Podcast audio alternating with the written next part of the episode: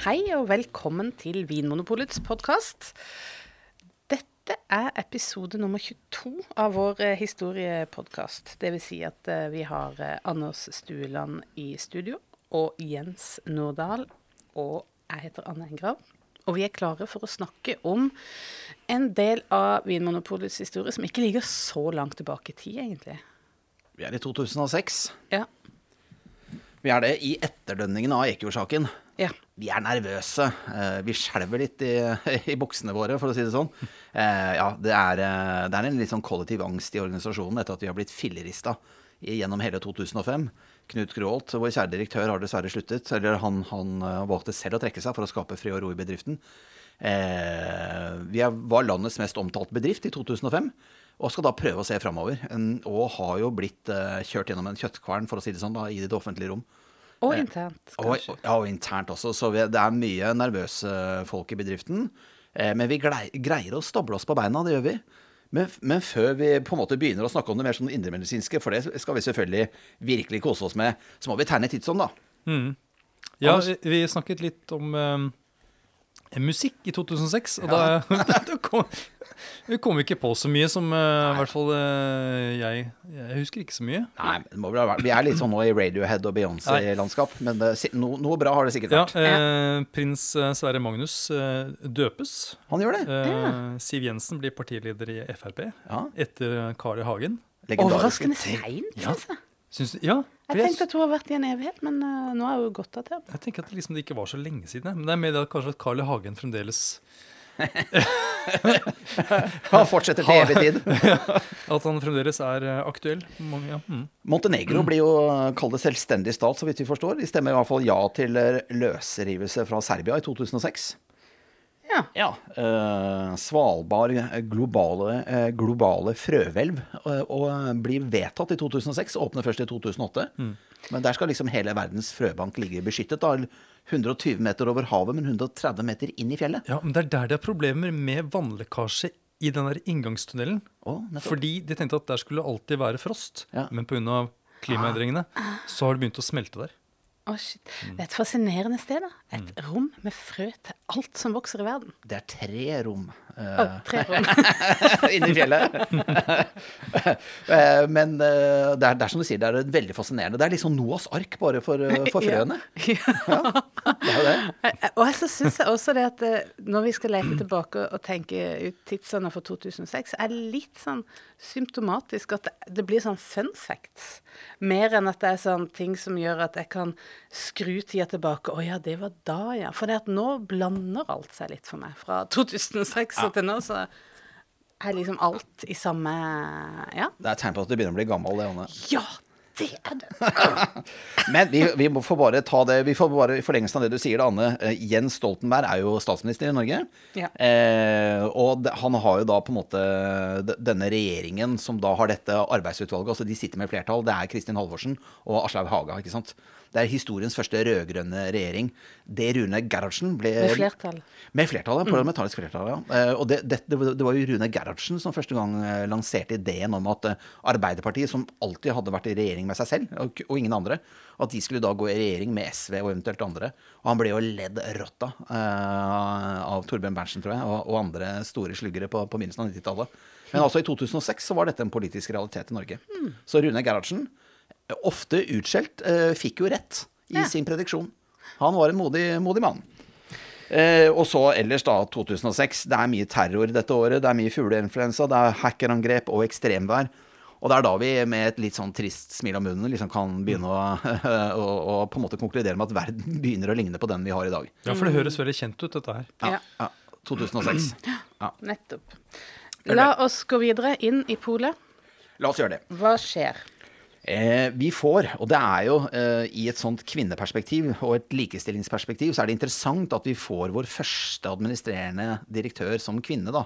Eh, I 2006, men kun som konstituert. Det, er- det er Nordis Vik Olausson, som jo er, eller var, økonomi- og HR-direktør. eh, I Vinmonopolet. Veldig godt likt internt. Veldig kul eh, dame. Hun eh, blir jo da eh, Grøholts etterfølger, eh, men sitter da egentlig bare fram til jeg tror det var august 2006, altså 7-8 måneder, eh, for å, for, i denne overgangsfasen. for å skape ro i bedriften. Du, jeg kan bare lure på en ting. Ja. Eh, er det sånn at eh, Vinmonopolet i dag har en hva skal jeg si, en sånn en eh, vikar for Eller altså En NK?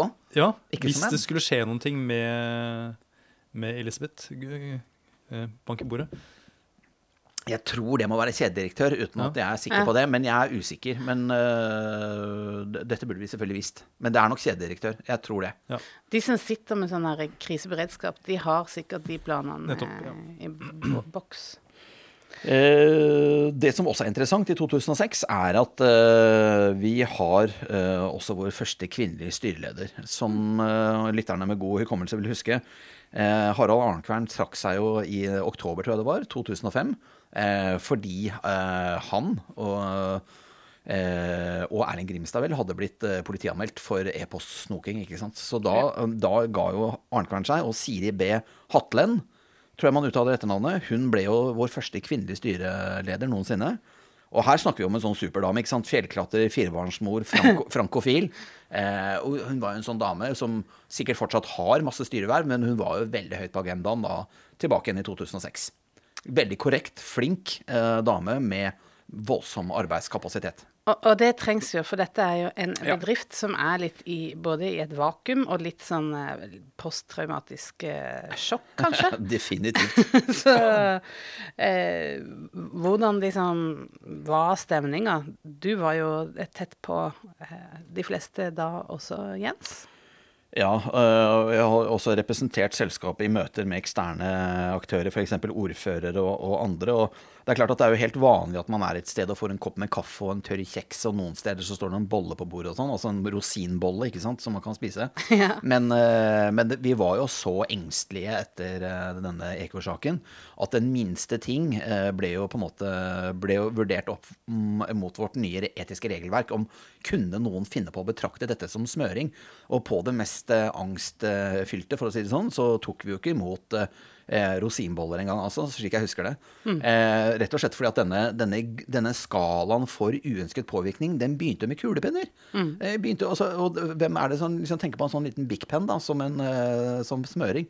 Men altså, der begynte jo skalaen til disse profesjonelle folkene som jobbet med antikorrupsjon. De sa det. Du må ikke ta imot din første kulepenn. Ikke sant? Ja, jo, men det er der det ligger. Ja, ja. Ja. Og, og det er et godt uh, prinsipp, syns jeg. Ja, ja, men, men det er vanskelig å få Jeg begynte faktisk i Vinmonopolet i 2006, Ja.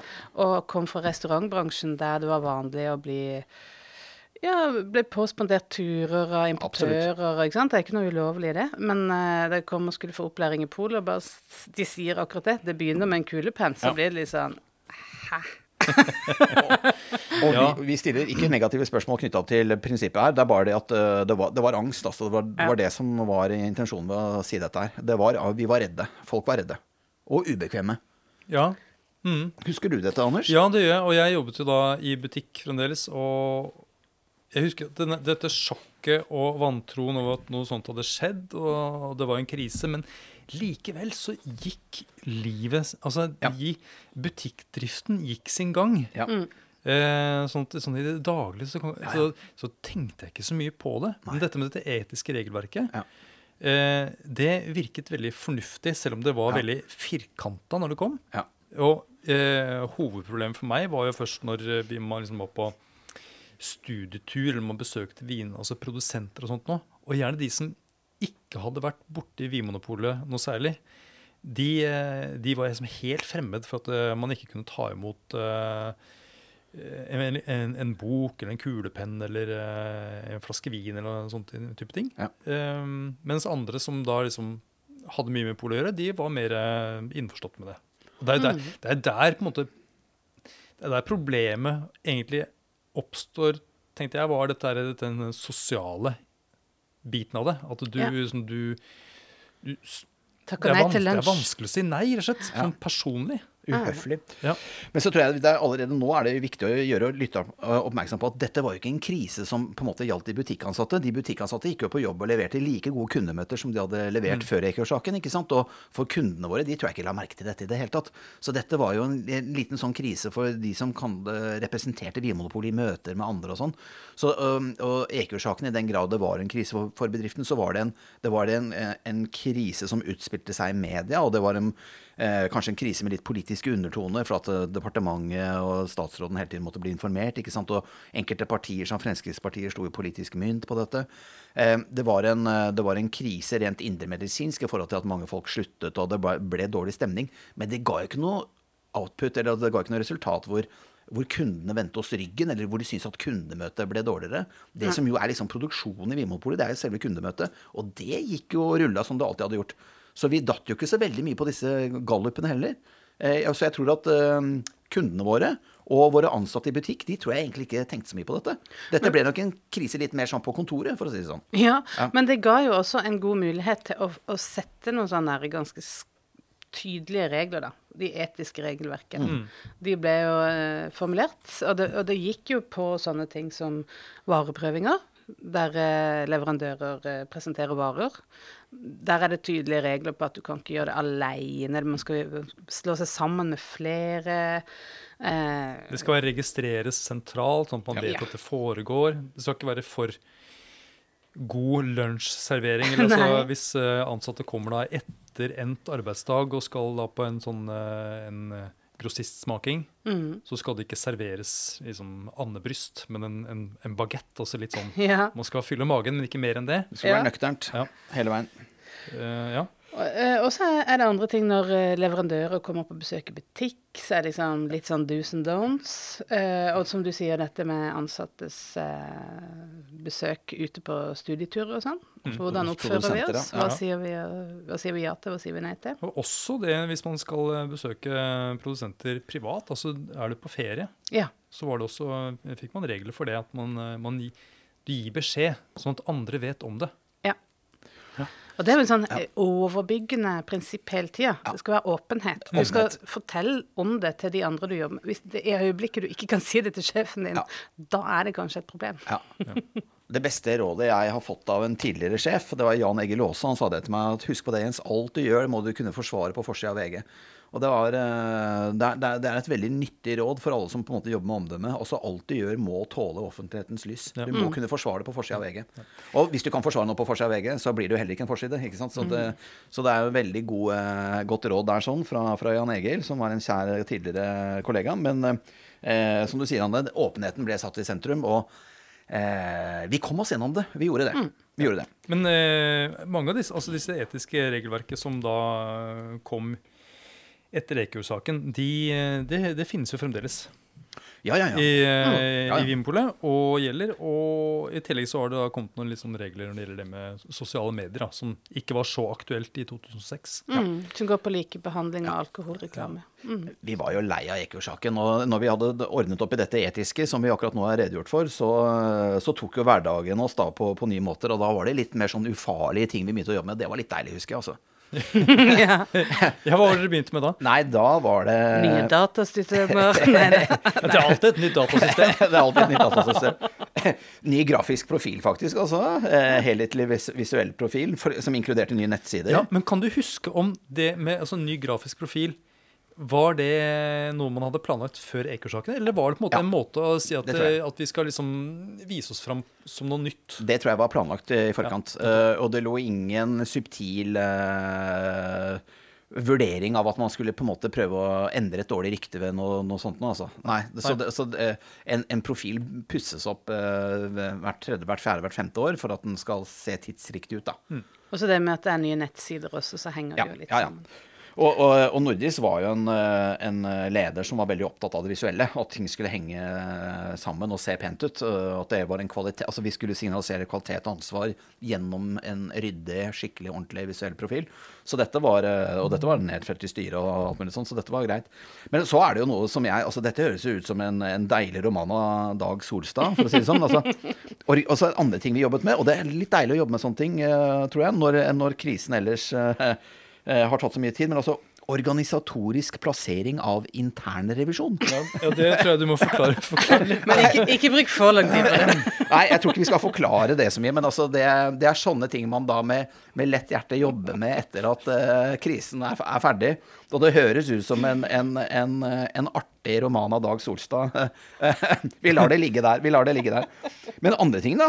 Og det, dette blir jo sånn herlig tørt byråkrati. Det er derfor vi har det med. da, men altså Endring av prinsipp for regnskapsføring av pensjoner.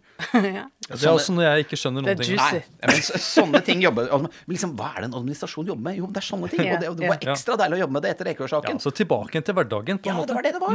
Eh, og det var innføring av nye, det var også, det var ny lederopplæring, og det var verdibasert ledelse, da, og det var reorganisering av salgsavdelingen Ja, av vekst i butikker. Kan jeg stoppe deg litt der? Gjør det. Eh, fordi verdibasert ledelse Ja. Du ler, Anne. Jeg, jeg bare ser du får vann på mølla nå. Vi kjenner deg, Det Anders. er, jeg, jeg, jeg, er ikke, jeg tror ikke at jeg er imot det, men jeg, bare, jeg vet ikke helt hva det er for noe.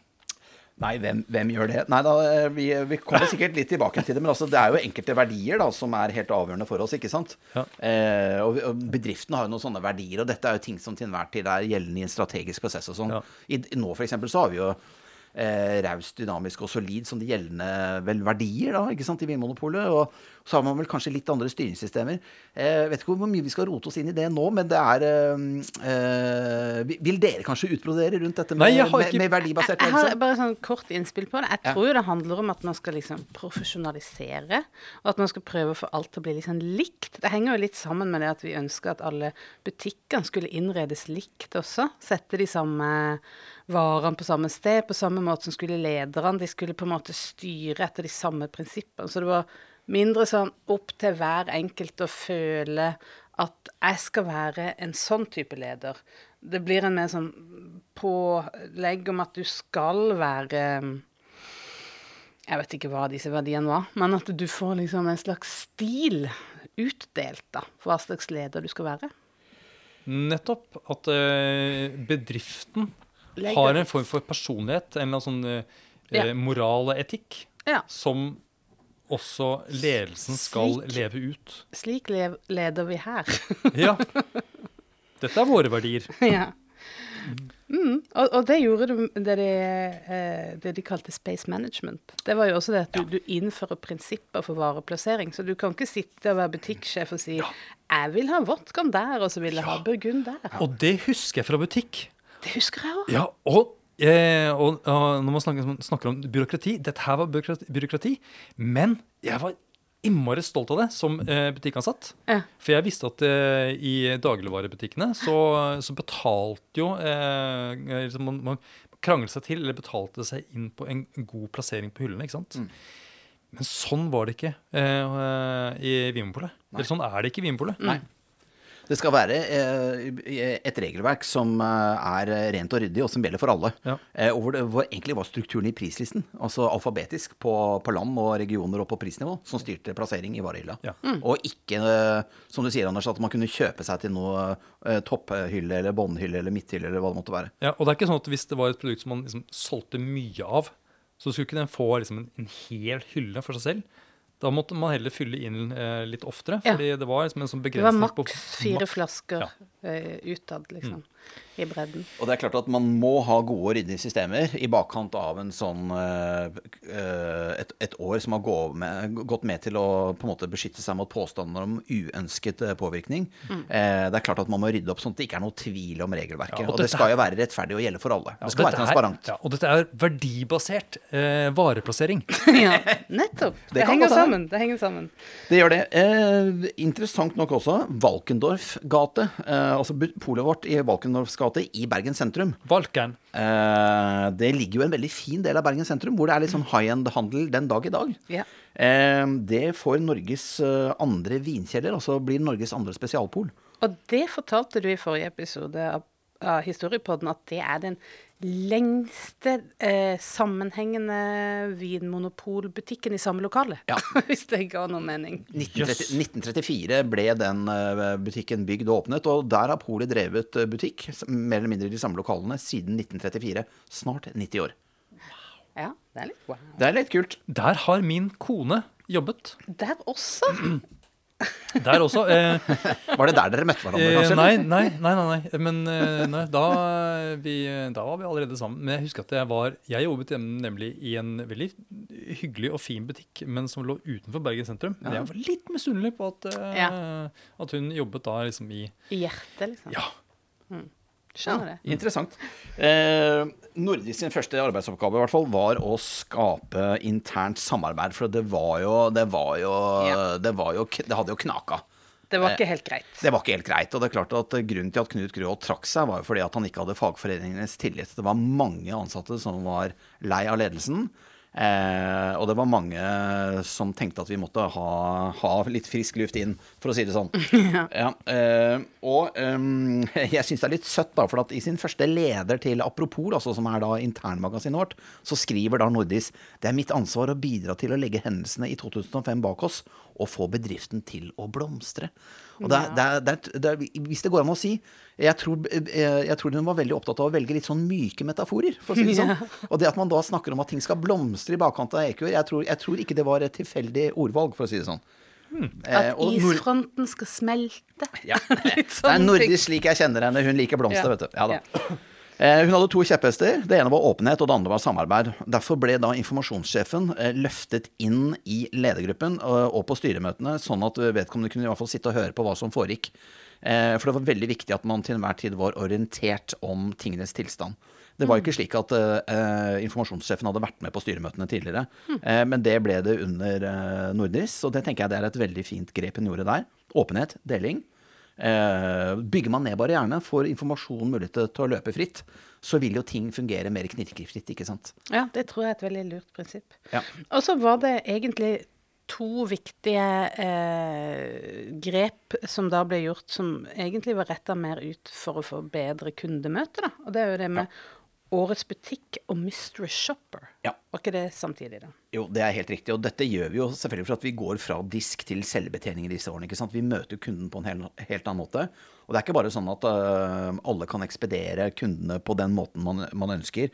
Når man går fra disk til selvbetjening, så Årets butikk, eh, det er jo øh, også eh, en konkurranse vi har internt, hvor polene eh, konkurrerer mot hverandre om å være, være, være best, best in class, for å si det sånn.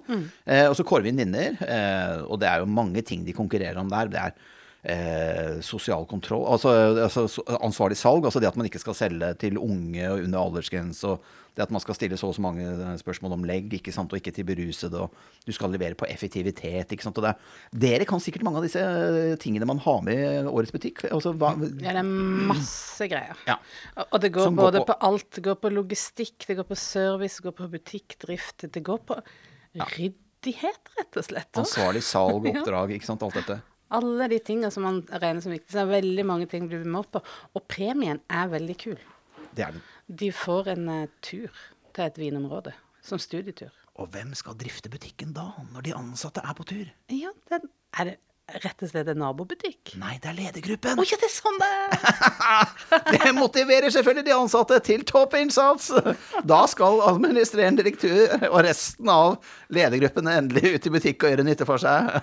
Da skal de jobbe der i butikken. Dette gjør de med et smil om munnen. Dette syns jo alle er kjempegøy, ikke sant. Eh, Og er det noen som elsker å være ute i butikk, så er det ledergruppen, ikke sant. Ja. Ja, ja. Nå har det vært så lenge siden, for det har vært korona, så nå har det liksom ikke Ja. kommet helt inn. Ja, ja. Ehm, så det startet altså da i 2006? Eh, Det var nok eh, Eller var det bare eh, så planen ble lagt? Da? Nei, det var nok eh, planen. Man starter veldig ofte i det små, og så ser man hvordan fungerer dette.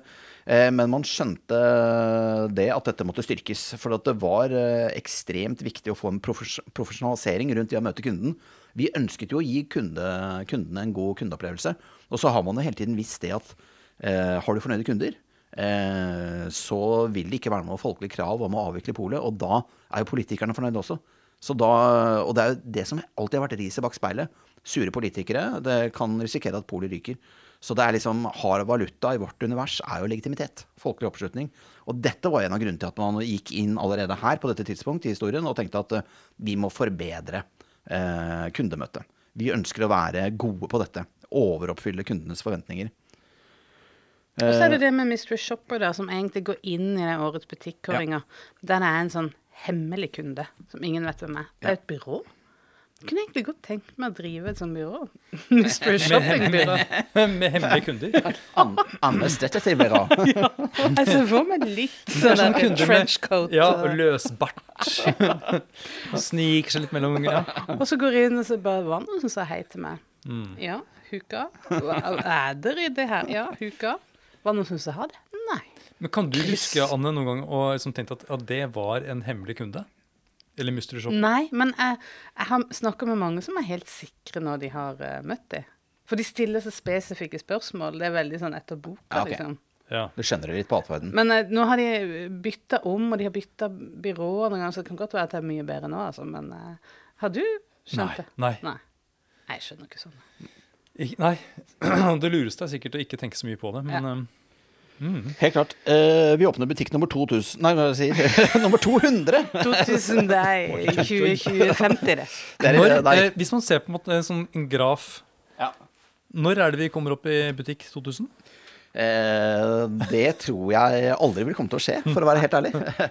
Eh, jeg tror det, Vi har 342 butikker i drift nå. Jeg tror det kommer til å flate ut et sted eh, rundt 360-370. eller noe sånt. Jeg tror det tar lang tid før vi eventuelt nærmer oss 400. Ja. Eh, vi, begynner å, vi begynner å nærme oss en, en topp, eller toppunkt. Og, og så vil det være helt naturlig å vedlikeholde butikkporteføljen etter det, som følge av at enkelte steder går nedom og hjem, mens andre vokser fram. ikke sant? Så det vil jo være noen som altså, man kan flytte butikker, da. Men jeg tror, jeg tror det vil ta innmari lang tid før vi er oppe, ved, oppe i 400, bare så det er sagt. Så 2000 Nei, du Anders, da tror jeg vi Da ligger vi under torven for, for lengst. Hva var og butikk nummer 200? Hold dere fast, folkens. Gloppen i Sandane. Eller hva var det for noe? Sandane i Gloppen, faktisk. Nå er det til, roter til og med jeg her. Jeg roter du med kommune... Gloppen har jo eh, Nord-Europas største steinur. Oi, det var jeg ikke klar over. Jøss. Ja, Men det er litt interessant. Den må være svær. Ja, den er svær. Ja. Har du vært der? Ja. Oi. Det var Gloppedalsura. akkurat. Oi, oi, oi. Det som er morsomt Jeg håper jeg er rett nå. Ja, men dette, dette er interessant, dette, dette, og dette syns jeg faktisk er, er, er interessant. Bare så det er sagt, Også. Det. Men det, det, det morsomme er at absolutt alle kommuner i Norge De er enten størst eller minst eller best, eller altså på et eller annet. Ja. Og det, det, altså At de har nå Norges største ur, eller var det verdens største ur, det er kjempemorsomt. Nord-Europa. Nord-Europas. det er alltid bra når man stenger på Nord-Europa. For det er litt sånn litt diffust, men litt større enn Norge. Men vi har jo en liten rekke her av, eh, av butikker som vi åpner da, landet rundt. Ta, ta kommuneregler. Ja da. Jeg syns det. det- Dette er 2006. Elnesvågen, det er det. Elnesvågen i Haram kommune, det er da Møre og Romsdal. Uh, Melhus, uh, jordbrukskommunen sør for, uh, for Trondheim. Da er vi altså i Trøndelag, da, som folk vil vite. Stokmarknes i Hadsel, det er oppe i Lofoten. Rissa i uh, Det heter både tettsted og kommune. Det er på Fosenhalvøya i, i Trøndelag. Egentlig kjent da for Norges største leirras, Anders. Hva gjør det meg?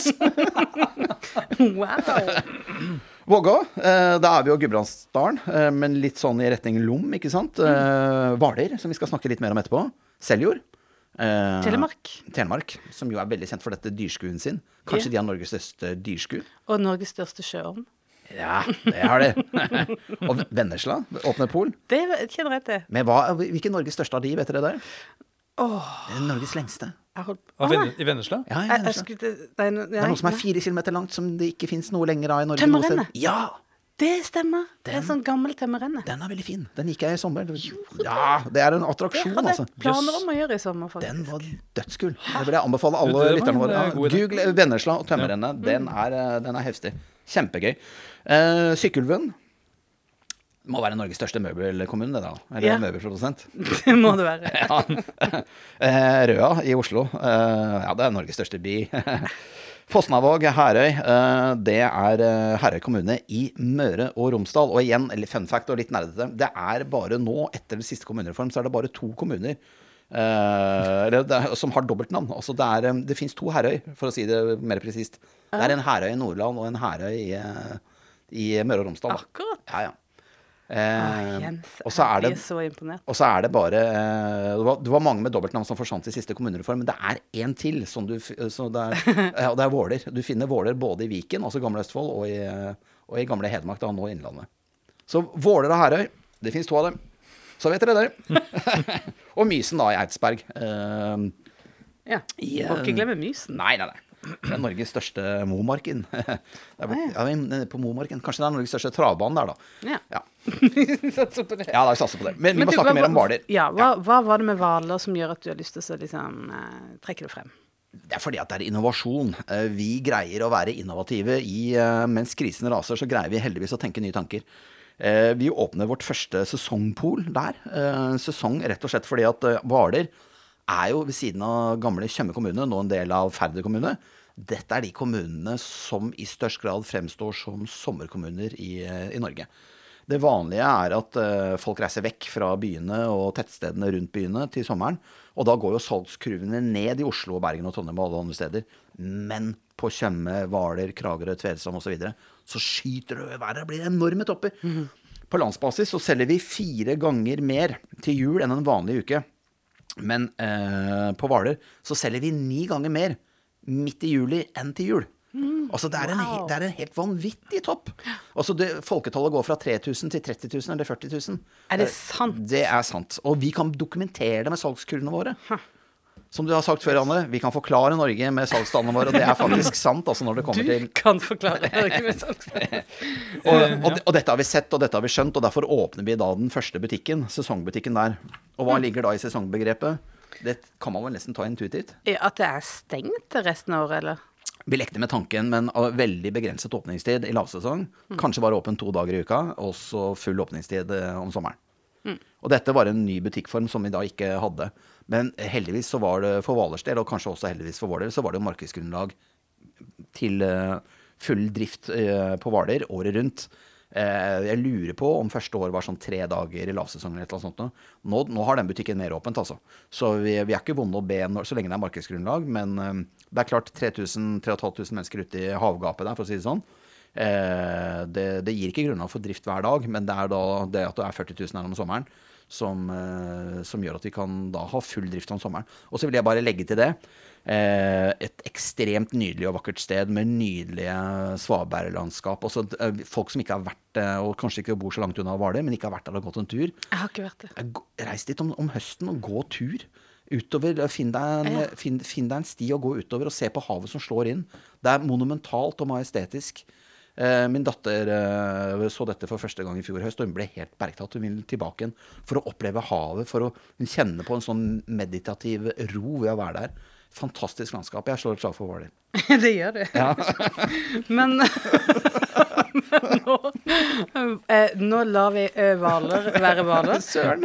og, så, og, så, tenker vi litt på dette her at OK eh, Nordis ja. er konstituert. Ja, det betyr at hun er jo ikke full på en måte ansatt. ansatt. Jeg orker bare et halvt år, sa hun. Hun sa ikke det, men hun skulle bare sitte et halvt år. Ja. Ja. Og hva, Hvordan går man frem for å finne en ny sjef i Vinmonopolet? Det må rekrutteres. Ja, jeg, jeg Ja. Eh... Det, var, det, var, ikke du som gjorde det? Nei, det var ikke meg. Nei, det var ikke deg! Nei, det er en lang og ja. kompleks prosess, da. Jeg ser for meg at man, eh, at man, rykker inn en annonse, var vel det man gjorde i, eller, i, i 2006? Ja. Men det var litt det, det, er en prosess som starter før det, faktisk. Er det det? Ja. ja, ja. Det er en lang og kompleks prosess. Det tar faktisk fire måneder å rekruttere ny AD. Yes. En regel som sier det? Nei, det? Nei, det er sånn det blir. Du må, du må finsikte, og du må virkelig gjøre hva du kan for å få tak i rette vedkommende. Ja.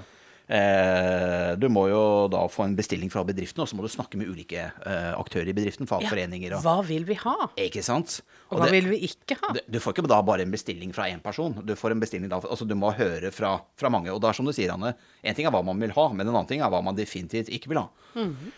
Eh, og så må det da, og så sitter jo da denne, uh, denne headhunterbyrået sitter jo sikkert med en interessant uh, portefølje med kandidater som de hører litt med. ikke sant, Sjekker litt med egne, egne folk. altså ikke, ikke, de ansatte i byrået, men også de som de har i porteføljen sin. da. Ja, ja. Hvordan, vet, ja, hvordan for, vet du noe om dette her, Jens? hvordan dette får, altså Disse headhunterbyråene, har de en liste med folk som har ringt dem og sagt at eh, du, jeg er direktør nå, men eh, jeg kan godt tenke meg å bytte beite, eller eh. Jeg vil inn i den lista.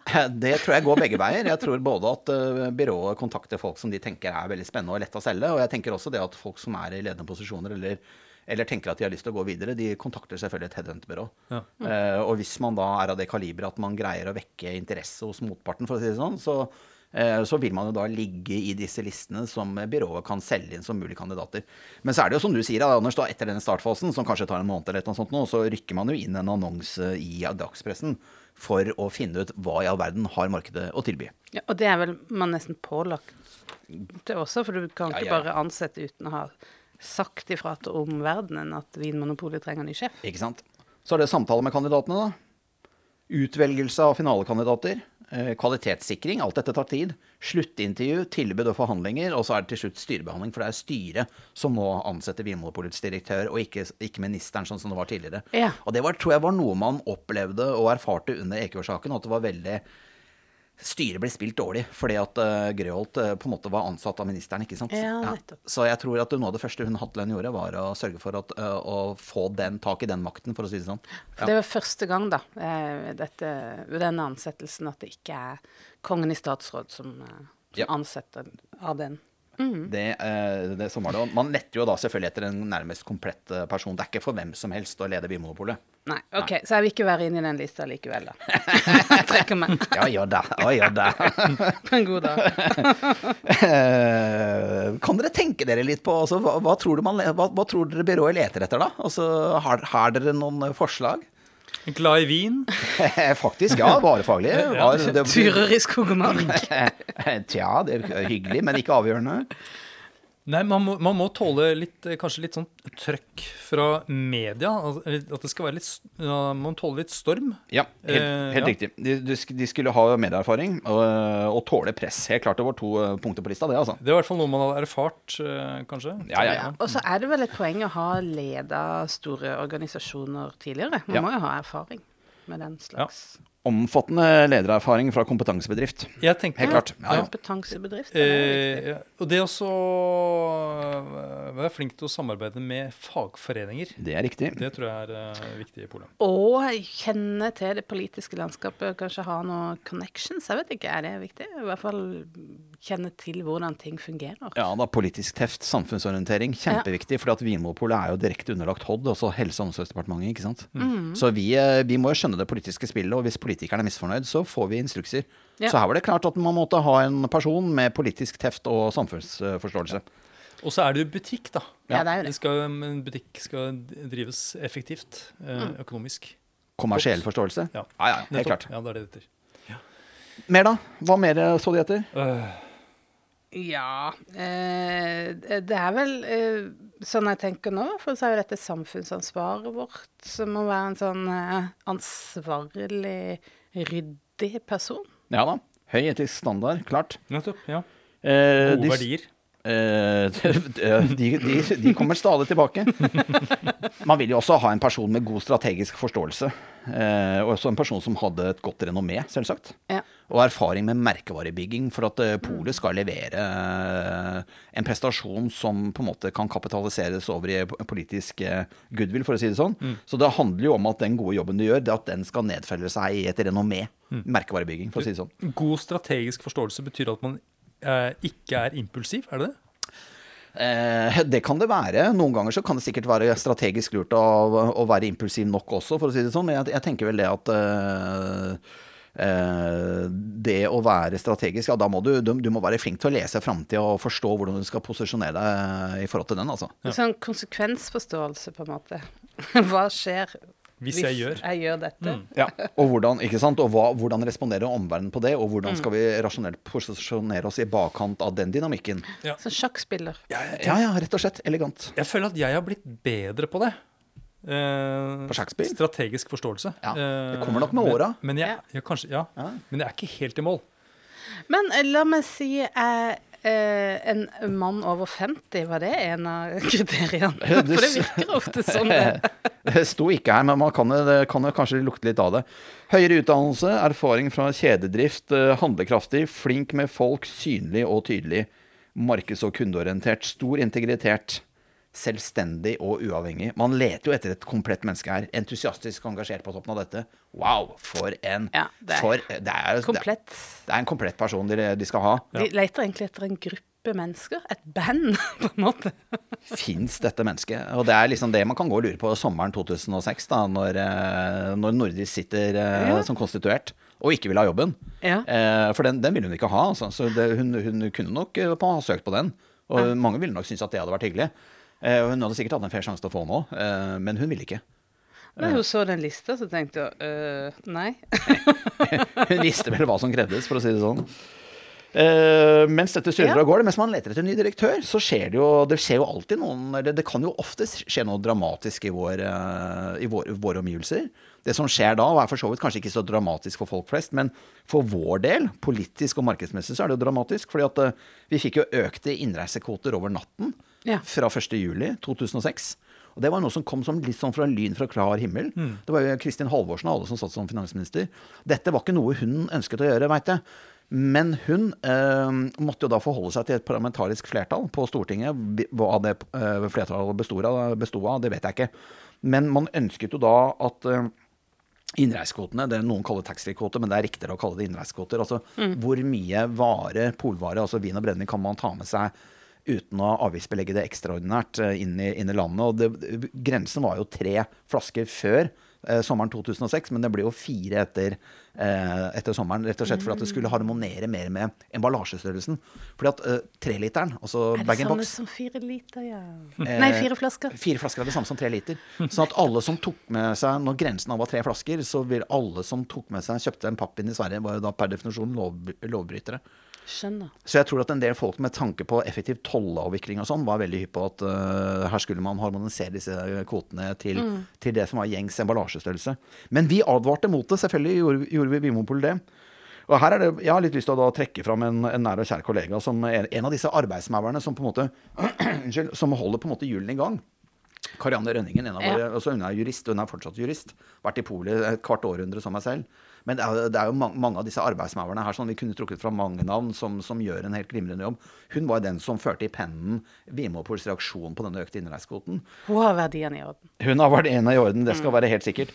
Hun sa det at dette vil jo eh, eh, ikke være til gunst for folkehelsen. Altså for, eh, alkoholkonsumet i Norge vil jo øke når man eh, liberaliserer på den måten her.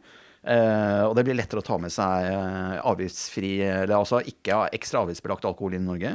Eh, det vil være et provenytap på staten på hvert fall 85 millioner kroner. Altså staten vil tape av avgiftsinntekter. Eh, og det er også problematisk for Vinmonopolet å miste markedsandeler, eh, som er bekymringsfullt når vi bygger ut butikknettet lojalt.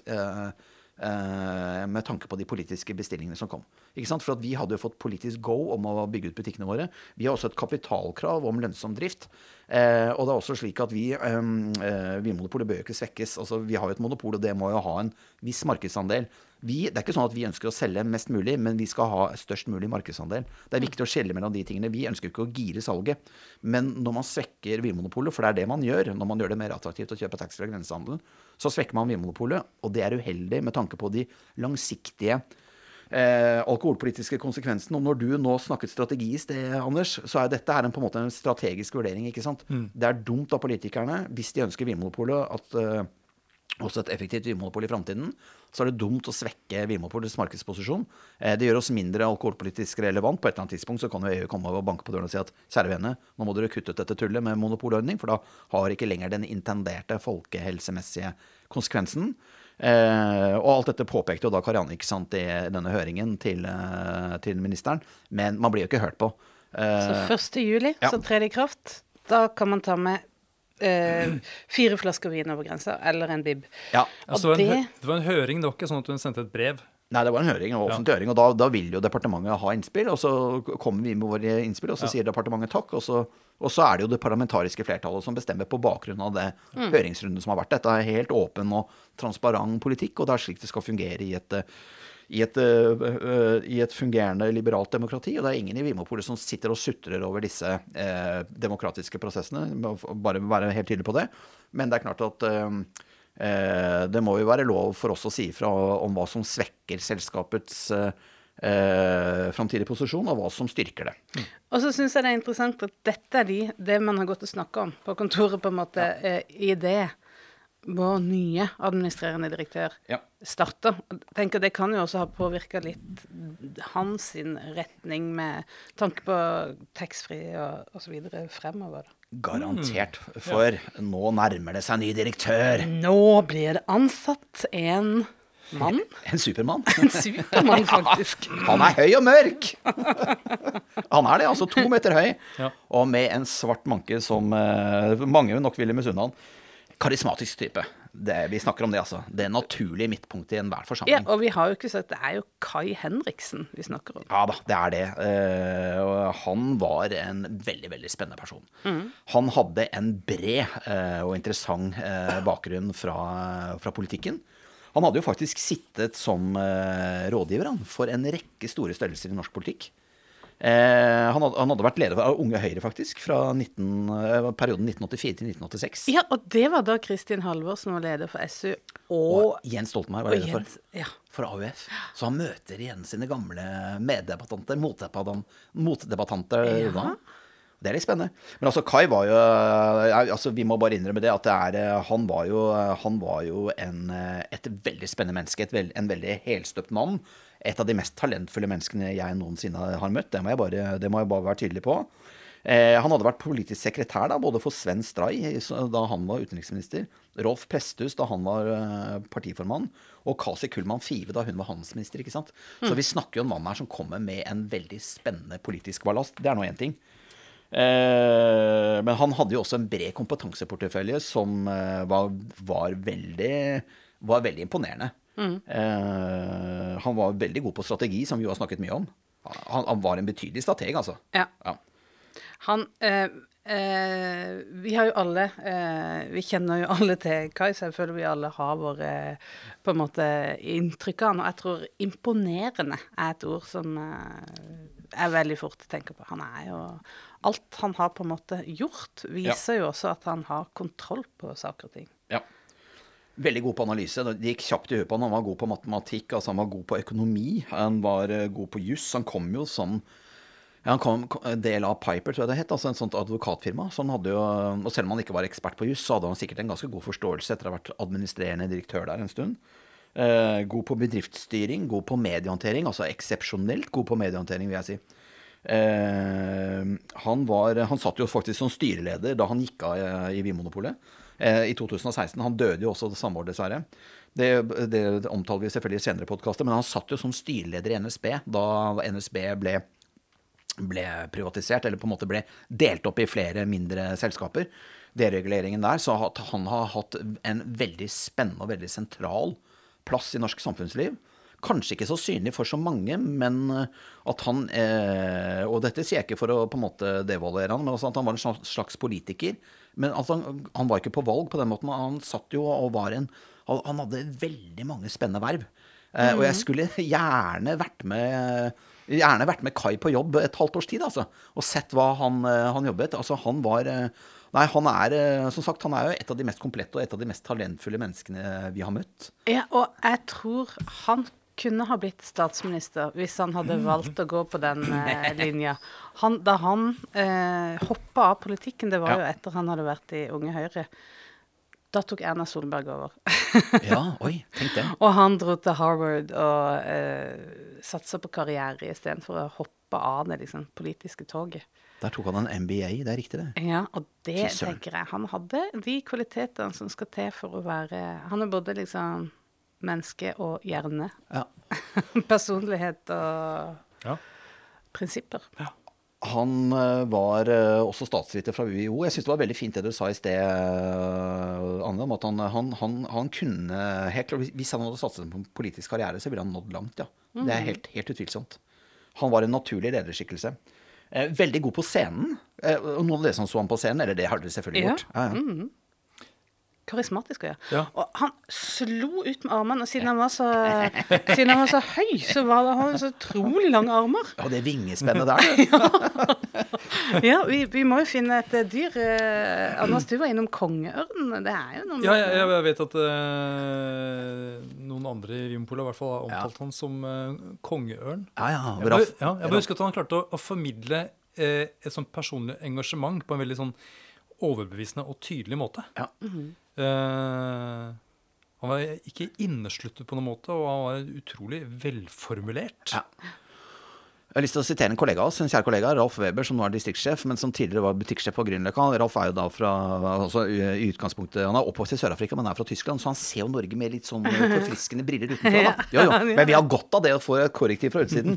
Eh, og han, han, han minner meg på hvordan arbeidslivet er i utlandet. når, Eh, når, når, vi på en måte når vi, når, vi, når vi, snakker om det norske arbeidslivet i, i, kontrast. da. Så det er veldig fint å få en realitetsorientering fra Ralf eh, Weber. Men han sa det på scenen, eh, akkurat det samme som deg, Anders. Så sa han det at Kai var jo eh, helt majestetisk på scenen. Eh, og i forhold til dette vingespennet ditt, Anne altså Kai, Nei, unnskyld, Ralf beskriver jo Kai, eller beskrev Kai som en kongeørn. Han sa det, han sirklet majestetisk over alle temaene. Som en kongeørn eh, så hadde han full kontroll på alt som foregikk der nede på bakken.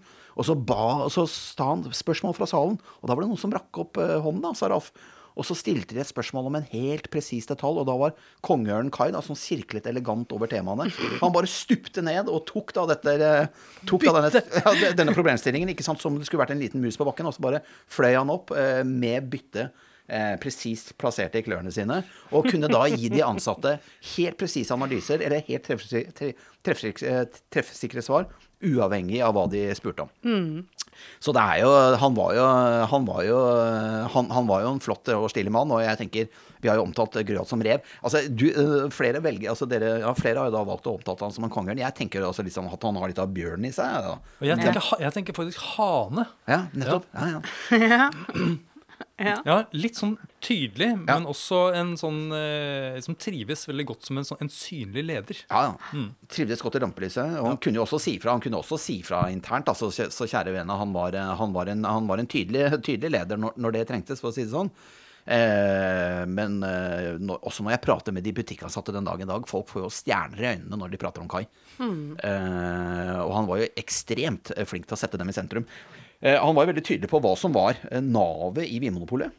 Eh, hva som var på en måte selve arenaen for produksjon i Vinmonopolet. Det var jo butikken. Mm. Han sa noe veldig fint, husker jeg, ja. eh, om dette med møte. Mm -hmm. Dette med styremøte. Det han, altså, husker dere det ordet, eller? Ja, det viktigste møtet møte vi gjør i Polet, er kundemøte. Ja, han sa det. Det viktigste møtet i Polet er ikke styremøte, det er ikke ledermøte, ja. men det er kundemøte. Ja. Så enkelt kan det sies. Og, hvor, uh, og vi skal komme litt tilbake det, det, er en politiker som snakker. Det er en politiker som snakker. du får fram mange poeng med noen få ord. eh, veldig. Eh, ja, men han, du, jeg husker faktisk eh, det må, Jeg får vel lov til å si det at Kai ja. var eh, kunde på Vinmonopolet før han ble administrerende direktør. Ja. Eh, mens jeg jobba i Vika. Og han var jo en, en veldig, veldig hyggelig Eh, nysgjerrig og interessert kunde som eh, anerkjente eh, oss som jobbet i butikk. altså Så oss som fagpersoner og anerkjente oss. Og ga et sånn tydelig uttrykk for at han satte pris på det Vinpolet var. Ja. Så, eh, så, ja, det var sånn Han ga jo også mye som gjorde at, eh, at kundemøtet ble bra, da. Ja, altså, ikke sant. Ja. Så det var kanskje et kundemøte med deg som inspirerte han til å si de bevinga orda der? ja, det vet jeg ikke, men, eh, men, eh, men, Kai var allerede en person som inspirerte meg til å gjøre altså, gode kundemøter allerede ja. før han begynte uh, i Vinpolet selv. Og han var jo veldig varefaglig engasjert. Det var han. Han, var jo, uh, han hadde jo tatt uh, VZ diploma. diploma. Ja. Mm. Og det er jo en, det er jo en voldsom Det er jo mer enn å være interessert i vin. Ja, ja, ja. Og han var, han var, dyktig på det også. Og han var jo vår første administrerende direktør som hadde den type varefaglig kompetanse. Mm. Så også der scorer han jo høyt, ikke sant. Uh, han, er jo, han, er jo, han er jo komplett uh, slik sett. Han, han, uh, etter hvert så må jeg huske å fortelle en ganske morsom historie, for han var jo også en vanvittig flink historieforteller. men først, mens vi først er på den tråden her, sånn også Um, han hadde jo, og I forlengelsen av det du sier her, Anders, også, han hadde jo en veldig klar tanke om hvor han ville dra Vinmonopolet da han kom hit. Og jeg har lyst til å lese noen få linjer fra Apropol i det første intervjuet eh, som ble gjort med han før han, eh, han starter. Mm. Eh, han sier det at uh, Vinmonopolet Og det er jo litt for å også gi Kai, uh, Kais, For å vekke Kais stemme til live her, tenker jeg, da. Han mm. døde som sagt i 2016, så litt høytlesning av det han har sagt, syns jeg er litt fint. Med tanke på at vi ikke kan ha han her som gjest, rett og slett. Mm. Eh, Kai sa det. Vinmonopolet har vært gjennom en revolusjon de siste årene, og sett fra et, uh, sett fra et kundeperspektiv. Omlegging til selvbetjening og konkur konkurranseforholdene på importørsiden. Eh, har ført til at produktspekteret er særdeles stort og gjør at jeg som kunde er veldig fornøyd. Møtet med kundene er kjernen i Vinmonopolets drift. Vi skal ha så fornøyde kunder at ønsket om en annen organisering av alkoholomsetningen i Norge blir forsvinnende liten. Etter min oppfatning, til, altså er, etter min oppfatning vil alternativene til Vinmonopolet føre til at kundene får et dårligere tilbud enn det vi har i dag, og dette må vi tydeliggjøre. Så der er han jo ved kjernen i sin filosofi allerede før han tiltrer. Mm. Det helt sentrale eh, vi skal gjøre, er å ha fornøyde kunder. Og den produksjonen av legitimitet og eh, kundetilfredshet og omdømme foregår i butikk. Utført av de butikkansatte. Og det er den beste medisin for å overleve inn i framtiden. Så mm. vi slipper den politiske diskusjonen om å legge Polen ned. Han er glassklar fra han starter. Og det er så deilig å møte et, eh, et menneske som tenker klare tanker og greier å evne å formidle dem på en klar ja. måte. Og det er jo egentlig mye av de samme tankene som mm, Grøholt har eh, ytra, men her er han veldig sånn Ja, han gjør det til sitt, da. Han drar det enda lenger, og vi skal vel egentlig snakke mer om det etter hvert også. Men jeg tenker, altså hvis jeg skal bruke et bilde, litt sånn jålete bilde, jeg tenker vel kanskje egentlig på Grøholt som Uh, arkitekten. Altså Bygget sto klart da Kai kom, mer eller mindre. Men det er jo Kai som blir eh, interiørarkitekten. Mm. Som eh, maler og tapetserer og som putter inn de kuleste møblene. Og som lager dette huset til en hotspot hvor du har masse eh, hvor, hvor, det er mye kult som skjer. da. Mm. så jeg håper ingen av dem vil på en måte bli, bli for, forarget over at jeg bruker det bildet der. Men jeg tenker på Eh, på Grøholt som den store eh, mester når det gjaldt struktur. Altså åpningstid, butikknett, selvbetjening, nettside, nettbutikk osv. Mens, mens Kai blir den store kulturbyggeren. Og vi skal snakke mye om det i denne episoden, og også i neste, neste episode. Hvordan, hvordan, Kai jobber med kulturen, og hvordan han skaper en vinnerkultur. For det er det han gjør. Mm. Han skaper vinnerlaget, og han skaper en kultur hvor vi gjenskaper suksess. Og det er det som er vanskelig. De sier jo alle som eh, Det er det, er det treneren til han Karsten Warholm sier. Eh, det er det alle disse trenerne sier. Det Problemet er å gjenskape suksess. Og er, du, er, du, er, først god når du gjenskaper suksess. Det er det som er vanskelig. Men også, jeg, jeg må bare fortelle en historie. Ja. Og jeg kommer ikke, jeg kommer ikke til å Vær så god. Ja, takk. Jeg, tar litt plass her nå, men det er lov når det er ja, Kai som Ja, det er bare hyggelig, det. Ja. Og uh, Kai fortalte denne historien på et, uh, på, under en lunsjsamtale. Og han hadde vært da i en, uh, i en, setting hvor han da representerte Vinmonopolet. Og så møtte han ulike diplomater fra verden som da ville selge vin til han. Og det var da en representant fra en tidligere sovjetisk republikk, som nå er en selvstendig stat. Og den, denne diplomaten fra denne tidligere sovjetiske republikken hadde da sagt til Kai liksom, hvordan kan jeg komme inn på det norske markedet og alt mulig sånn.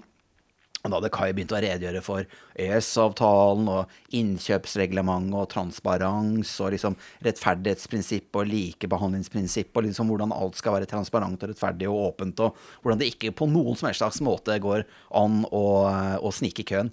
Og da hadde denne, denne, diplomaten fra denne tidligere Sovjetrepublikken hadde sittet sånn og nikket og vært veldig sånn hyggelig og vennlig da mens Kai satt rundt bordet der. Og han sagt ah, nice, nice, oh, very nice, it's so logical, it's so nice to hear you. Men så, da Kai var ferdig da med å, å snakke, så hadde da denne diplomaten da, fra, fra denne tidligere Sovjetrepublikken gått og hvisket han i øret. But tell me, Mr. Henriksen, how does the system really works? og nå greier ikke jeg å gjenfortelle den historien like bra som Kai, men altså, det var um, denne, type, denne type historie kunne han fortelle, og det, var, det er historier som sier så mye. Eh, og det var uh, Nei, jeg, jeg, må si jeg, jeg, blir veldig glad når jeg på en måte husker sånne historier, og kan få lov til å gjenfortelle dem her i podkasten. Ja, akkurat det var nesten som at jeg så for meg Kai som sitter og det brøler og latter etterpå. Det er hyggelig. Ja da. Eh, jeg husker at En gang så beskrev Kai seg selv som utadvendt, analytisk og engasjert, og det må vel sies å være en mann med god selvforståelse, for å si det sånn. Uh, definitivt. Men ja, ja. Det, Kai er på plass, og vi var Kai er på plass. Ja, og han er en spennende type som vi skal mm. snakke mer om ganske snart. Men det, det er ikke bare Kai som skjer i 2006 vi begynner å se snurten av en rosévinstrend. Ja, ja. Det, det, må vi, for nå vi, blir jo vi veldig litt sånn navlebeskuende, kanskje. Med en, en høy og mørk sånn. mann og, og en lyserosa vin. Men Kai var, en, Kai var en sann eh, forsvarer av mangfoldet, og dette her var helt klart eh, noe som skulle med Kais forståelse av mangfold. Altså. Ja, ja, for det er litt pussig, det rosévinstrenden, som du sier. For det, ja. det, det, er en voldsom økning, og det, det skjer da eh, når er det det skjer, egentlig? Det begynner å skje i 2006, og det er først egentlig da vi blir klar over det. Det er da vi begynner å snakke om det internt også. Uh, det var jo tidligere produktsjef Monica Wessel som, som begynte å skrive om dette. Eh, men vi solgte knapt nok en liter rosévin eh, så sent som i år 2000. Altså 186 000 liter rosévin solgte vi da, og det utgjorde da 0,4% av salget vårt. Det var så å si ingenting. Eh, så stiger det da for første gang, i hvert fall i moderne tid, til over, eh, over en halv million liter. Da, nærmere bestemt 617 000 liter i, i 2006, og så eksploderer det videre etter det.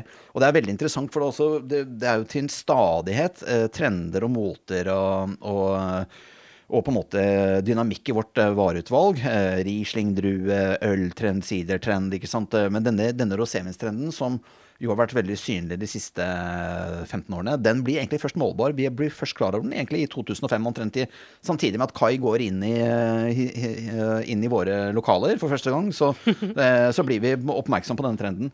Eh, og bare nevner det, da. I fjor, eh, da solgte Vinmonopolet altså 5,4 millioner liter rosévin. Og det hadde da en markedsandel på 4,5% Og det var altså 0,4% markedsandel i 2000. Så det er, det er tidoblet i, i popularitet og, og 30-doblet i volum siden år 2000. Ja, 30-doblet. det. Ja. Ja. Og det, det viser seg jo også selvfølgelig i utvalget. Ja. Jeg, kom jo inn i polet i 2006. Jeg begynte å jobbe på Briskeby i 2006. Ja. Og eh, har- kom da fra restaurantbransjen. Det som hadde vært den store greia eh, i restaurantbransjen det siste året, to år, var rosévin. Oh, ja. Så jeg tror øh, Fra mitt perspektiv så skjedde det noe da. At det var en øh, Det var et par merker som, som kom og markerte seg som tørre roséviner. Liksom, det ble relansert som en sånn her en ny stil innenfor rosévin. Og da Og da kan det være at, det hadde, at man hadde fått så mye da på eh, restaurant at det bare gikk rett på polet, og så bam! Ja. Så tok det fyr. Det som er litt interessant, er at um, på, i 70-åra og begynnelsen av 80-åra på Vinpolet så hadde vi jo flere merker eller produkter med rosévin enn uh, vi hadde i som, ja, begynnelsen av 90-åra. Slutten av 80-åra. Mm. Så det var på en måte ah, ja. Det, var, det var, ble en sånn bølgedal ned uh, før de eh, gikk oppover igjen. Så det, Hm. så det hadde allerede vært en rosévinperiode før det. Nettopp. Men da var det mer halvtørre roséviner. ja. Ja. For nå var det de tørre som kom for fullt. Mm. Så gøy. Så historien gjentar seg, kan vi lære av dette. ja. På sett og vis. Ja. Men hva, hva er det vi må eh, egentlig på en måte ta med oss eh, videre nå? Som vi har eh, fått eh, kai på plass, vi har fått rosévin har tatt av. Ja. Eh, er det noe mer vi må huske fra 2006? Det er det. Vi må snakke litt om at det er et politisk trøkk om nye etableringer, nye butikker. Det er fortsatt sånn at eh, politikerne ikke er fornøyd med tilgjengeligheten på antall pol landet rundt. Eh, og som lyn fra klar himmel sommeren eh, 2006, nærmere bestemt i 27. juni, det var vel faktisk rett før Kai trådte inn, så fikk vi helt uten at vi hadde fått noe forvarsel fra Helse- og omsorgsdepartementet, så kom det da en pressemelding fra departementet eh, som sa at vi måtte i betydelig grad forbedre tilgjengeligheten, altså bygge nye butikker i kommuner uten pol, fordi det var for dårlig tilgjengelighet i, eh, rundt omkring i, landet. Så det kom 27. juni, og 1. juli så kom det økte innreisekvoter. Er Ja. en sånn dobbelt, eh, dobbelt eh, dolk der. Ja, og vi var ikke forberedt på dette her, ikke sant. Så det tok oss eh, fullstendig på sengen. Men da er det egentlig bare å brette opp ermene og utrede. Og dette var noe av det første Kai tok tak i da han begynte i august, ikke sant. Jeg mener det var august han kom.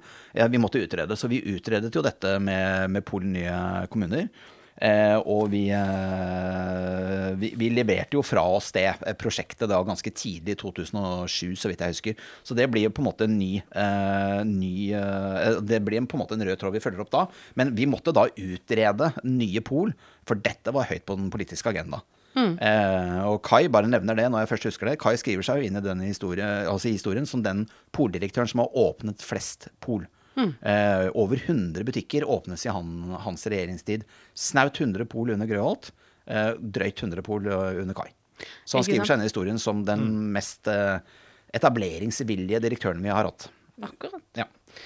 Eh, og eh, det man også gjør når man er nyansatt, er jo at man gjerne utarbeider en ny strategi. ja. Se- lager en plan for, eh, for det man skal gjøre. Ja. Gjorde man det i gamle dager òg? Eh, ja. Eller er det en moderne ting? Eh, Det, det, han har nok gjort det i gamle dager òg, ja. Ja. ja. Men de kalte det kanskje noe annet. Plan. kanskje, Ja. var det kanskje. Eh, Kai var eh, opptatt av å få ting til å skje. Eh, han var utålmodig, og han hadde en, et voldsomt eh, trøkk i kroppen, altså en voldsom energi, så han ringte sin gamle, gamle kollega eh, fra McKinsey, Pål Brynsrud, veldig hyggelig fyr, eh, som hadde en spennende eh, fortid som på en måte konsulent og han hadde vært med på, eh, på også vært med Telenor, blant annet, til Russland, tror jeg. Da, da Telenor skulle prøve å um, eh, etablere business der, etter at eh, Sovjetunionen falt, da, altså eh, på, på, på sent 80-tall. Så han hadde en spennende bakgrunn. Han var uansett en god kollega av eh, Kai, og veldig dyktig fyr, som kom inn og hjalp oss med å jobbe med ny strategi. Det var ikke sånn at Pål Brynsrud skrev strategien, men han eh, hjalp oss med å fasilitere prosessen, sånn at den ble mest mulig effektiv, rasjonell, men også mest mulig inkluderende. For Kai var veldig interessert i å eh, ta med seg organisasjonen i utvikling av strategi. Og hvordan gikk han fram? Eh, på to måter. Eh, han sa det til organisasjonen, og det var helt sant, at eh, eh, alle må være med å tenke ut den nye strategien. Eh, og det mente han virkelig. Så han satte jo i gang sånne kalde strategiverksteder i enhver butikk. Han sa liksom dette er oppgaven, dette er de spørsmålene vi må svare på. Eh, og jeg vil at alle sammen på en måte er igjennom denne øvelsen og, og sender oss svarene. Det er kjempeviktig at dere sender oss svarene. Men han hadde selvsagt ikke tid til å vente. Han kunne ikke sitte og vente på at eh, man skulle diskutere strategi rundt omkring i alle, alle mulige landets butikker og regionskontorer. Han, start, han tjuvstarta jo på kjedekontoret. Ja. Og og han, hadde, han, han, eh, han trommet sammen en liten strategigruppe, eh, med meg blant annet, og, og, og tre andre, og da Pål Brynsrud. Og vi jobba dag og natt, og han sa det. Og jeg, jeg likte for så vidt Han var ganske usentimental når det kom til den type arbeidsoppgaver. Han sa det at um, vi kommer til å jobbe hardt og lenge intenst med denne strategien, og det kommer til å bli lange dager. eh, Men, sa han, dere kommer til å lære hvordan man styrer en stor bedrift fra innsiden. Så liksom, det var gulroten her, da. Eh, han var også veldig, og en, ting jeg likte veldig godt ved Kai, var at han var veldig lung på hvor man satt og gjorde dette her. Altså, jeg skulle skrive en eh, rapport om Vimopols omverden. Vi hadde stemplingsur, eller hadde i hvert fall inntil nylig hatt stemplingsur. Kai brød seg jo ikke hvor man satt og gjorde jobben. Han sa du liksom sitt på hytta og vær i Argentina. Altså, du, det jeg er interessert i, er at du gjør jobben, og jeg må ha det levert på dato. Så det å ikke levere noe til Kai på dato, det var en uaktuell problemstilling. Men hvor du gjorde det, han var ekstremt pragmatisk. Ja. Og den, den rausheten er sånn. Den, eh, en sånn fyr som meg vil jo elsker at han hadde det perspektivet. Eh, det er hans krav å få rapporten levert eh, til tid. Men hvor man sitter og skriver disse ordene sine, det brød han seg ikke om. Jeg liker at det er sånn. Ja. Eh, Kai hadde ikke tid til å vente på, på de ansatte, eller han tjuvstarta litt. Altså, han tenkte jo igjennom med resten av gruppen, og med ledergruppen og med styret, så tenkte han igjennom hvordan ting burde være. Eh, og han lagde forsøk, eller forslag til en strategi. Eh, og så tikket jo alle disse e-postene inn da, fra hele organisasjonen. Eh, det samla seg opp en 700-800 e-post i en e-post- eh, e-postkonto. Da, vi leste mange av dem, men vi leste ikke alle. Og så, sånn helt på tampen av strategiprosessen når vi følte at dette satt. Og vi, vi hadde lest kanskje de 200 første, da. Eh, e-postene, ikke sant. Og så lå det kanskje 600-700 der som ikke hadde lest like grundig, da. Eh, og vi, vi visste liksom at vi var på rett spor, for vi hadde lest de 200 første eh, da vi hadde begynt å skrive strategien. Og så glemte vi de 500-600 som kanskje lå der en liten periode. Og så husker jeg den der kollektive angsten som, som traff oss da strategien hadde vært gjennom ledergruppe og styre. Liksom, ting hadde gått ganske fort, for det var jo veldig viktig for Kai å få dette fort levert. Og det, det var en, styrebestilling. Så jeg husker den, der, den litt sånn angsten i strategigruppen som, tra- eh, som traff oss da vi fant ut at shit, det ligger 500 e-post der som vi ikke har lest! og hva gjorde vi da? Jo, en av, det var ikke meg, da, men en, en annen i gruppen fikk jo to dager fri til å sitte og lese gjennom disse, e-postene for å finne ut om det var tanker der vi ikke hadde tenkt. Eh, for Kai var ganske sikker på at vi hadde tenkt, eh, at vi hadde tenkt de relevante tankene, med tanke på at vi hadde, hadde lest de hundrevis av de første e-postene og hadde diskutert saken med styret og ledergruppen. Så slik jeg husker det, og her får på en måte lytterne eh, ta, ta min hukommelse for hva den har vært. Dette er slik jeg husker det. Jeg kan selvfølgelig huske, huske feil, men altså vi leste da gjennom den, e-postkontoen, fant ut at her var det ikke noe nytt. Altså vi hadde eh, de 200 første e-postene fra butikkene og alle de andre aktørene som hadde diskutert dette, her, kjedekontor og ledergruppe og styre og alt mulig sånn, det var, det var tilstrekkelig. Vi, vi var på spor, vi hadde truffet planke. Og så blir jo da denne strategien, som jo eh, sto som en påle, og for så vidt har stått som en påle siden, den ble jo da lansert. Eh, formet som en pyramide, en sånn eh, vi kalte det jo pyramide, gjorde vi ikke Ja, pyramide. pyramide. Ja, ja. Men eh, hvor lang tid vil du anslå at eh, ble brukt på å utarbeide strategien? Jeg, jeg husker, noen måneder. Han kom jo i august da og satte i, i gang dette her med full fres. Og den var vel, eh, slik jeg husker det, jeg tror den var vedtatt uh, på tampen av året der. Yes. Eh, Ja. Desember, noe sånt noe. Vi jobba, vi jobba og, det, i, og igjen, Kai i et nøtteskall. Altså, han var rask og effektiv, og han sørget for å få folk med seg. Eh, og for meg fremstår dette som en ekstremt rasjonell måte å jobbe på. Eh, og så kunne han da gå på talerstolen og si eh, Kjære alle sammen, ikke sant? dere har alle vært med på å lage Vimopols strategi, og dette er jo deres strategi. Og han hadde jo ordene sine i behold. Vi hadde jo lest alle innspillene. Og, eh, og vi, eh, men altså, han, Kai var da en mester i å jobbe parallelt, så vi ikke kastet bort tid. For jeg tenker det, det, eh, ville vært dårlig ledelse om vi kasta bort tid. Eh. Det var jo veldig rasjonelt å få denne strategien på plass. Så det at han var så effektiv og gjorde det på den måten der sånn, eh, det har fascinert meg. Eh, som dere skjønner, det har fascinert meg siden. Ja, han, var en, eh, han, var en, han var en mann som visste hvor han ville, og som, og som kom dit. Vi skal høre mer om hva Men vi, i seinere episoder Jeg tror vi må Vi nærmer oss slutten nå. Ja. Kan vi bare ta en lite avskjed, som også Det var noe vi mista i 2006. Som på en måte angår vår verden. Og det var da denne her norske fruktvinen som eh, het Golden Power. Det er verdt å ta, bare dvele to sekunder sånn helt til slutt eh, ved akkurat det. Vil du si noe om den, eller Anders, eller eh, skal jeg bare gunne på her? Jeg tror kanskje du har du, Har du smakt den? Eh, nei, har du? Nei, Nei. Ja, men jeg husker at den lå i hyllene. Jeg husker den nå. Eh, den fikk til og med en liten sånn eh, ansiktsløftning i løpet av min periode i butikk. Ja. Eh, ble en ganske sånn stilig flaske. Champagneflaske med, Ja, med en sånn eh, plastkork, da. Men under sånn gullfolie. Oi. Ja, for det var jo liksom en etterlevning av en sånn storhetstid med den norske fruktvinen som vi har snakka om i For mange episoder for siden. mange episoder siden på 30-tallet, eller ja, noe eh, tidlig i vår historie. Eller ja, kanskje det var litt senere. Ja. Dette var jo et fruktvineventyr som hadde sin opprinnelse på Filtvet. altså Da snakker vi om uh, gamle Hurum kommune, som har blitt en del av Asker kommune. ikke sant? Eh, hvis ikke jeg roter fælt her. Uh, og Det var jo da en gård der som heter Rød gård, eh, som hadde et lite anlegg der hvor de produserte denne fruktvinen fra eller Golden Power da, eh, fra 1886 og helt fram til 2006. Det er som du sier, Anders, det var jo norsk champagne, dette her. Eller i, i, Ja. i, i gåseøynene, altså så nært vi kom. Eh, vet dere hva den besto av, da? Altså, for det var jo ikke, det var ikke, det var ikke bare epler, for å si det sånn. Vet, vet dere hva den, altså Det var heller ikke bare druer. Hva, vet Nei, dere hva Rabarbra har jo vært en sånn norsk eh, fruktvinbase, på en måte. Men vet dere hva som var rå, råvarene? Var, var det ikke rabarbra? 70% Ja. 20% epler og 10% druer. Det besto den av. Men altså, det må jo være 10 en, druer, faktisk. Hvor søt er en rabarbra? Mm, ikke så veldig søt. Det, det må jo være en god del sukker tilsatt i en sånn Det er sånn nok det.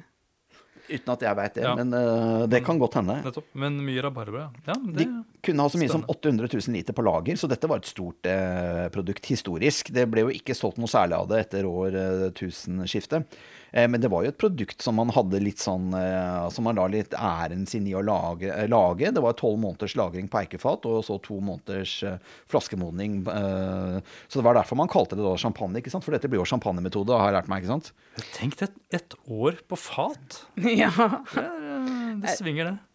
Jeg er usikker på om de hadde en gjæring igjen på flaske etterpå, som ville okay. gjort det til champagnemoden. Eh, Men, Ja, det men det, har noe, det har ikke noe å si.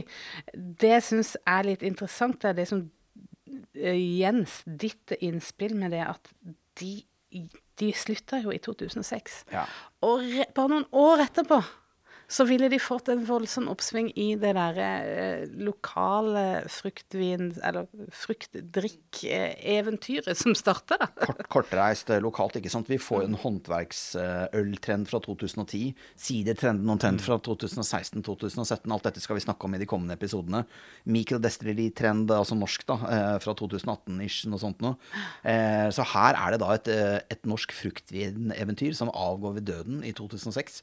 Og eh, veldig mye handler om timing, og dette var jo da dårlig timing. Ja. Eh, Og, det var jo, og hvorfor var det dårlig timing? Jo, det var jo også, eller hvorfor skjer dette her, da? Eh, Og det var fallende salg over tid og sykdom i familien, faktisk til familien Rød, da, antagelig som drev denne gården, Ok, det får man eh, som lagde Golden. Power, som medførte at merket ble sluttet å, å lage, og at det da ble solgt ut og solgt tomt i 2006. Så det var jo liksom, det er jo litt trist å tenke på at et Ja. sånt ikonisk produkt som eh, i sine velmaktsdager, så sent som på 70-tallet, så solgte jo Golden Power eh, mer enn all annen musserende vin i Norge til sammen. ja, ikke sant? Det, var- det hadde jo en Det altså- var liksom Det var den gangs no... Prosecco. ja, Ja.